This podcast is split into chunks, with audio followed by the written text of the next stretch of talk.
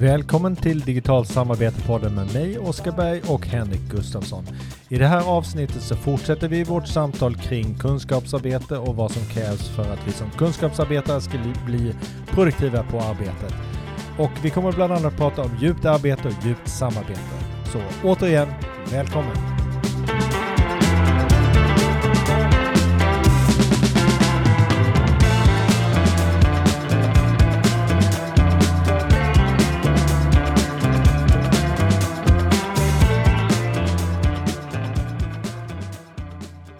Ju uppenbart ett arbete i mitt exempel att gå en promenad i naturen, att släppa för ja, att ja. få helt nya värld, unika idéer. Ja, Samtidigt som vi gick ut med min nya hund.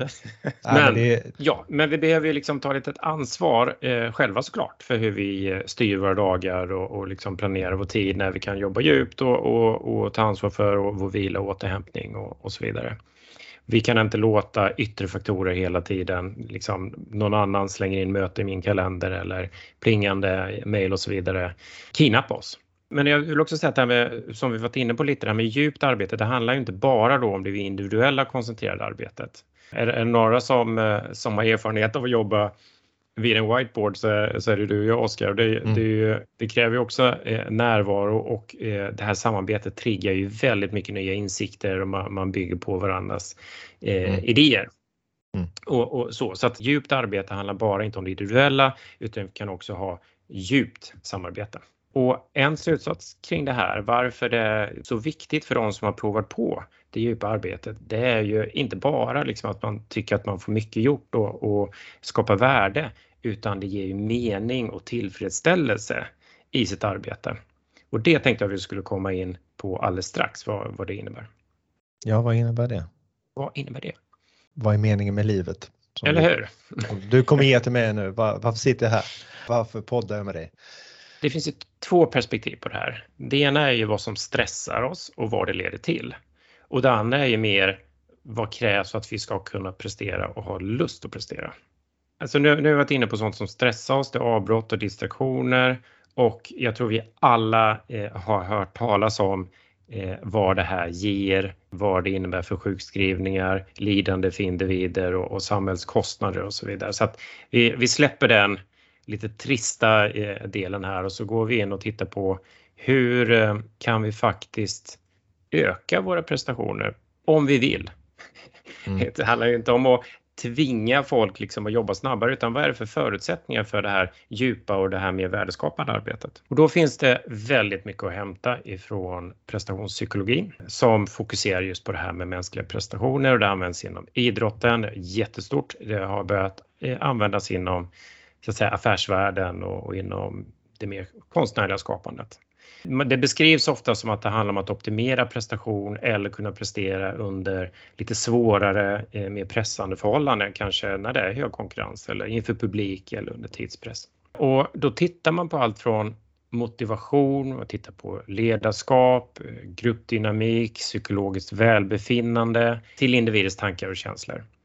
Och syftet är ju inte bara att liksom klämma ur sig och prestera mer utan det handlar om hur kan vi se till att engagemanget för, för arbetet ökar? Hur kan vi växa som människor? Och vad har vi för verktyg för att kunna möta stress?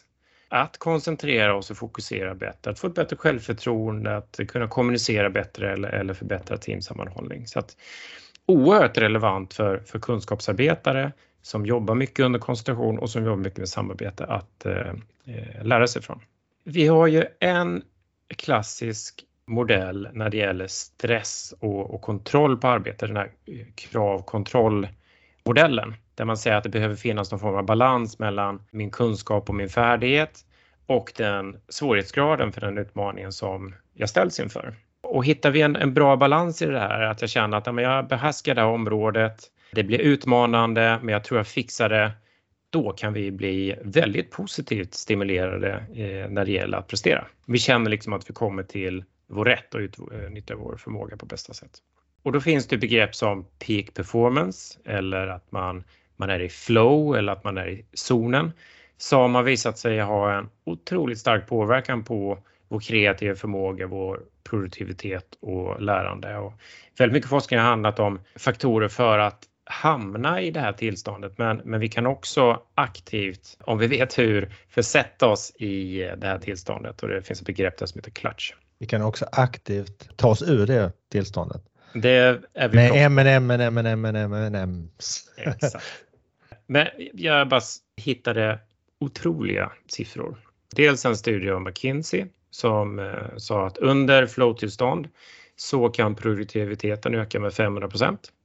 Mm. Och enligt eh, Department of Defense i USA som studerat lärande så ökar det med upp till 230 procent i flow-tillstånd. Och det är ju, det, det, är ju otroliga siffror. Men, men hur funkar det här egentligen då? Vad är det som händer när man är i ett flow eller i zonen? Och för det första kan det vara bra att veta att det inte är antingen eller att vi är, har ett totalt flow eller, eller är helt utanför utan vi kan vara där i mikroflow, lite grundare flow eller djupare. Men det kopplar väldigt mycket till neurobiologi och vår neurokemi. I ett flowtillstånd så stärks vår uppmärksamhet och vår medvetenhet i nuet. Eh, begrepp som används är deep now, eh, apropå deep work. Det är ett läge där rädslor och oro minimeras och det frigörs humörhöjande ämnen. En neurokemisk cocktail av dopamin, endorfiner, serotonin och så vidare. Vilket gör att vi både då kan prestera optimalt och mår väldigt bra. Och det är ju därför som om man prövar på och, och jobbar lite djupare och fokuserat, det är därför man vill göra det igen. För att det är inte bara att vi presterar utan det känns väldigt bra att vara i de här tillstånden.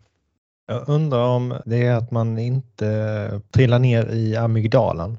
Att den här reptilhjärnan, som jag kallar den ibland, att där man har de här rädslan, och oron och så vidare, utan man är i den övre hjärnan och liksom kan stanna kvar där.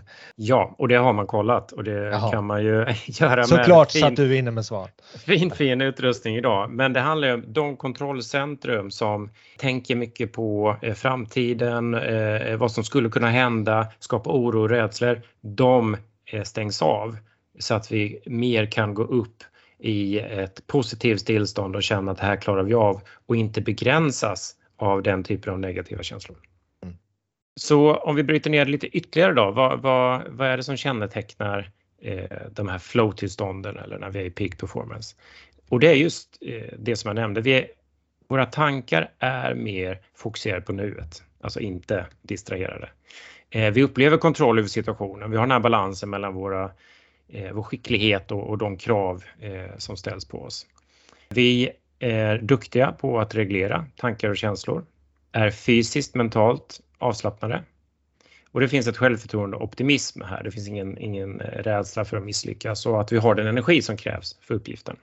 Och hur man som individ kan förbättra de här förmågorna, det kan, övergripande så handlar det om både yttre och inre dimensioner. Dels så måste vi som organisation skapa en arbetsmiljö som minimerar de här störande momenten som vi varit inne på, hindren för arbete. Och det är ju både fysiskt och, och, digitalt och socialt. Och börja titta på medarbetarupplevelsen och, och ha en, en stärkande miljö.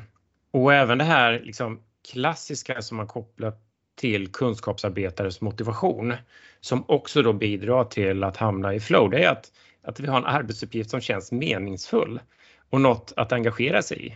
Annars så kommer vi aldrig att liksom hänge oss åt det här. Och att det finns en autonomi i hur jag kan lägga upp mitt arbete. Mm. Det finns en flexibilitet där. Och jag känner att det finns utrymme för, för mig att utvecklas och bli skickligare på någonting och, och, att vi har en uppmuntrande miljö runt omkring. Och då, som du var inne på Oskar, då krävs det ett ledarskap och en kultur som möjliggör det här. Alltså, I grunden krävs det att vi blir bättre på att jobba med vår hälsa, vårt välmående och kan, liksom, eh, har den energi som krävs, att vi har det här ledarskapet att strukturera våra dagar så att vi får den här balansen mellan det djupa arbetet och återhämtning på ett sätt så att vi mår bra och känner motivation och vi känner oss handlingskraftiga och kan prestera över tiden. Kommer ju tänka på det här när du tog upp det här med krav, kontroll, modellen då för att eh, Malin Andersson, HR-partner på Svenska Kemikalieinspektionen, hon delade en jättebra introduktion kring den Eh, modellen för ett tag sedan på LinkedIn. Den, här, den är ju en klassisk fyrfältare där det ena axeln är låg eh, respektive hög upplevd kontroll och den andra är då låg eh, respektive höga upplevda krav. Alltså det är utifrån kontroll utifrån mig som individ som jag känner och kraven som jag känner som individ. Då. Krav det kan ju handla om sånt som tidspress och arbetsbelastning medan då kontroll handlar om vilket utrymme som jag upplever att jag har att påverka min egen arbetssituation och förmågan att använda mina eh, färdigheter. Då.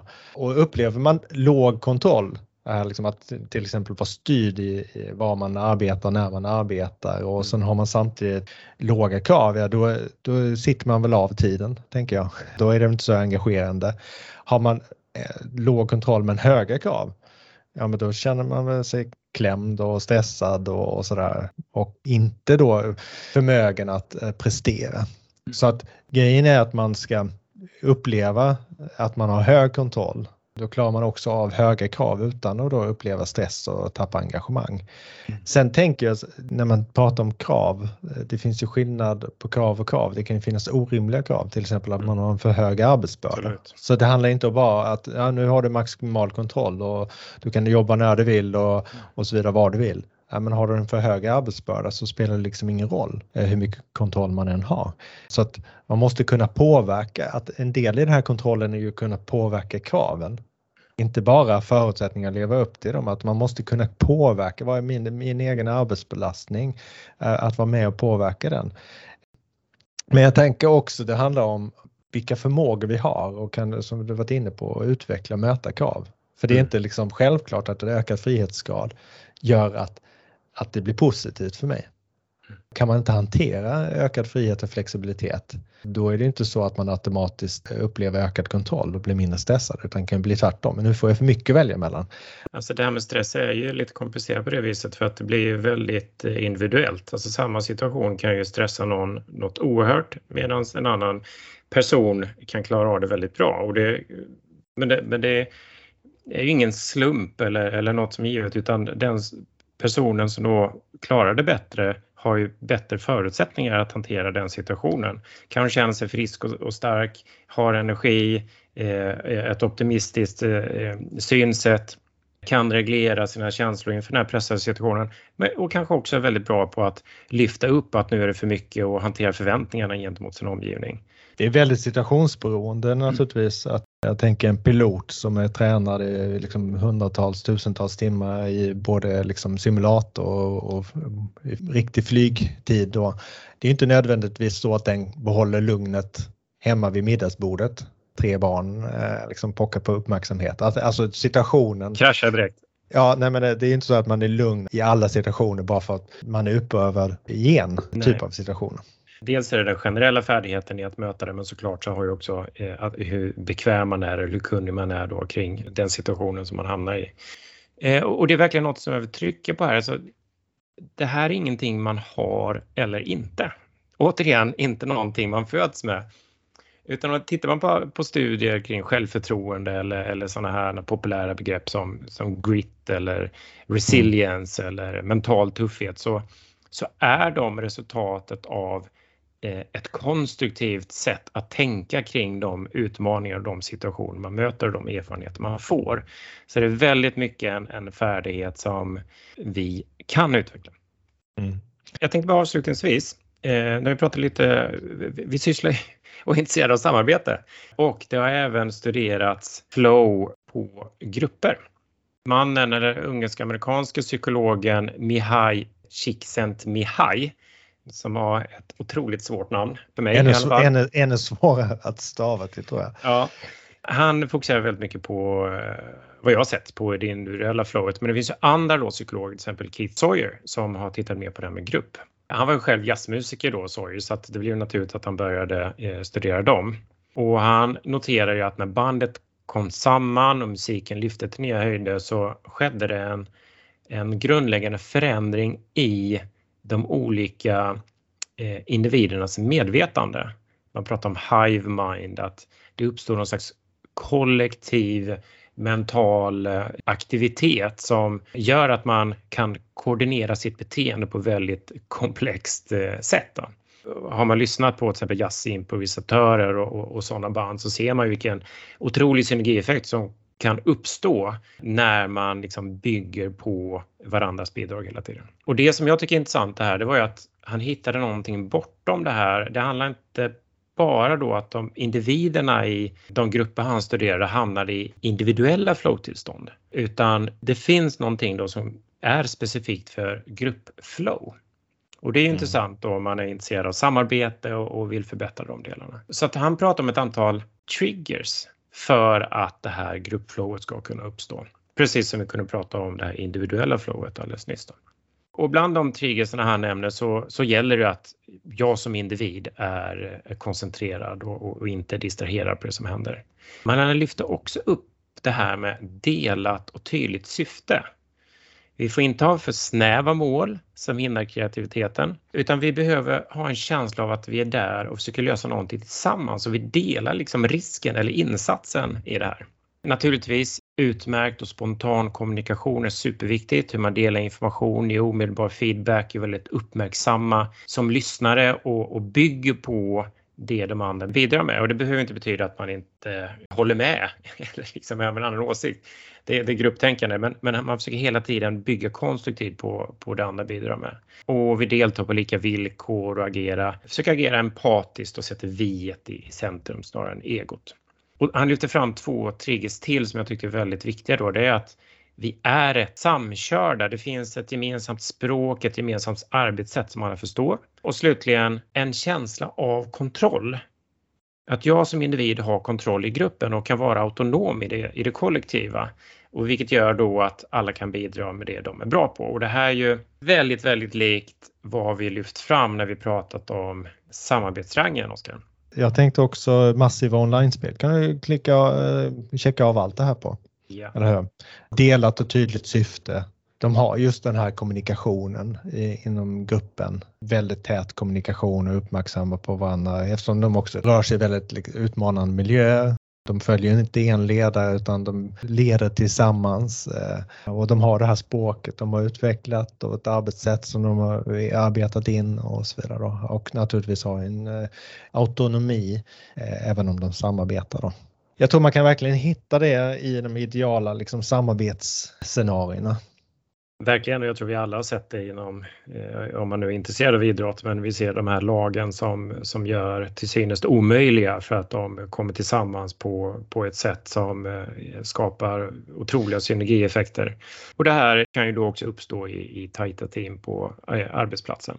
Och när vi pratar om eh, samarbetsrangeln och, och koncepten i den så pratar vi då främst om det som ett sätt att se till att eh, nya team snabbt blir produktiva men i förlängningen, om vi jobbar med de delarna, så kan det också bidra till de här flow-tillstånden eller att hela teamet kommer in i zonen så att säga och presterar på en annan nivå. Jag kommer ju själv att tänka på när jag var yngre och höll på i olika projekt, gjorde musik tillsammans med kompisar och så vidare, som, där vi kände varandra väl och jag tror det är så i de flesta band. Och där kan man ju absolut komma in i ett sånt här flow, kreativt flow, eh, där man bara liksom håller på hela natten och gör någonting och liksom kommer inte ur det. Man kommer på att man man borde nog eh, äta något kanske. Ja, precis. Man glömmer bort helt Tid och rum, tid och rum liksom mm. för, försvinner. Ja, Oskar, jag tittar på klockan och ser att eh, vi har ju eh, hållit på här alldeles för länge eh, och jag känner mm. att vi skulle fortsätta länge till kring det här området. Men, mm. men så det kanske får räcka där. Kul att eh, prata med dig om detta, Oskar. Detsamma som vanligt.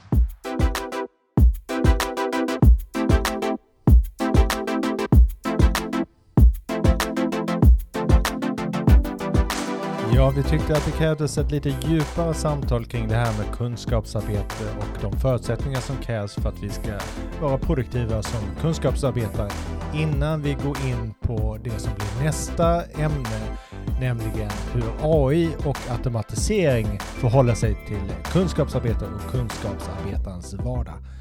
Tack för att du lyssnade.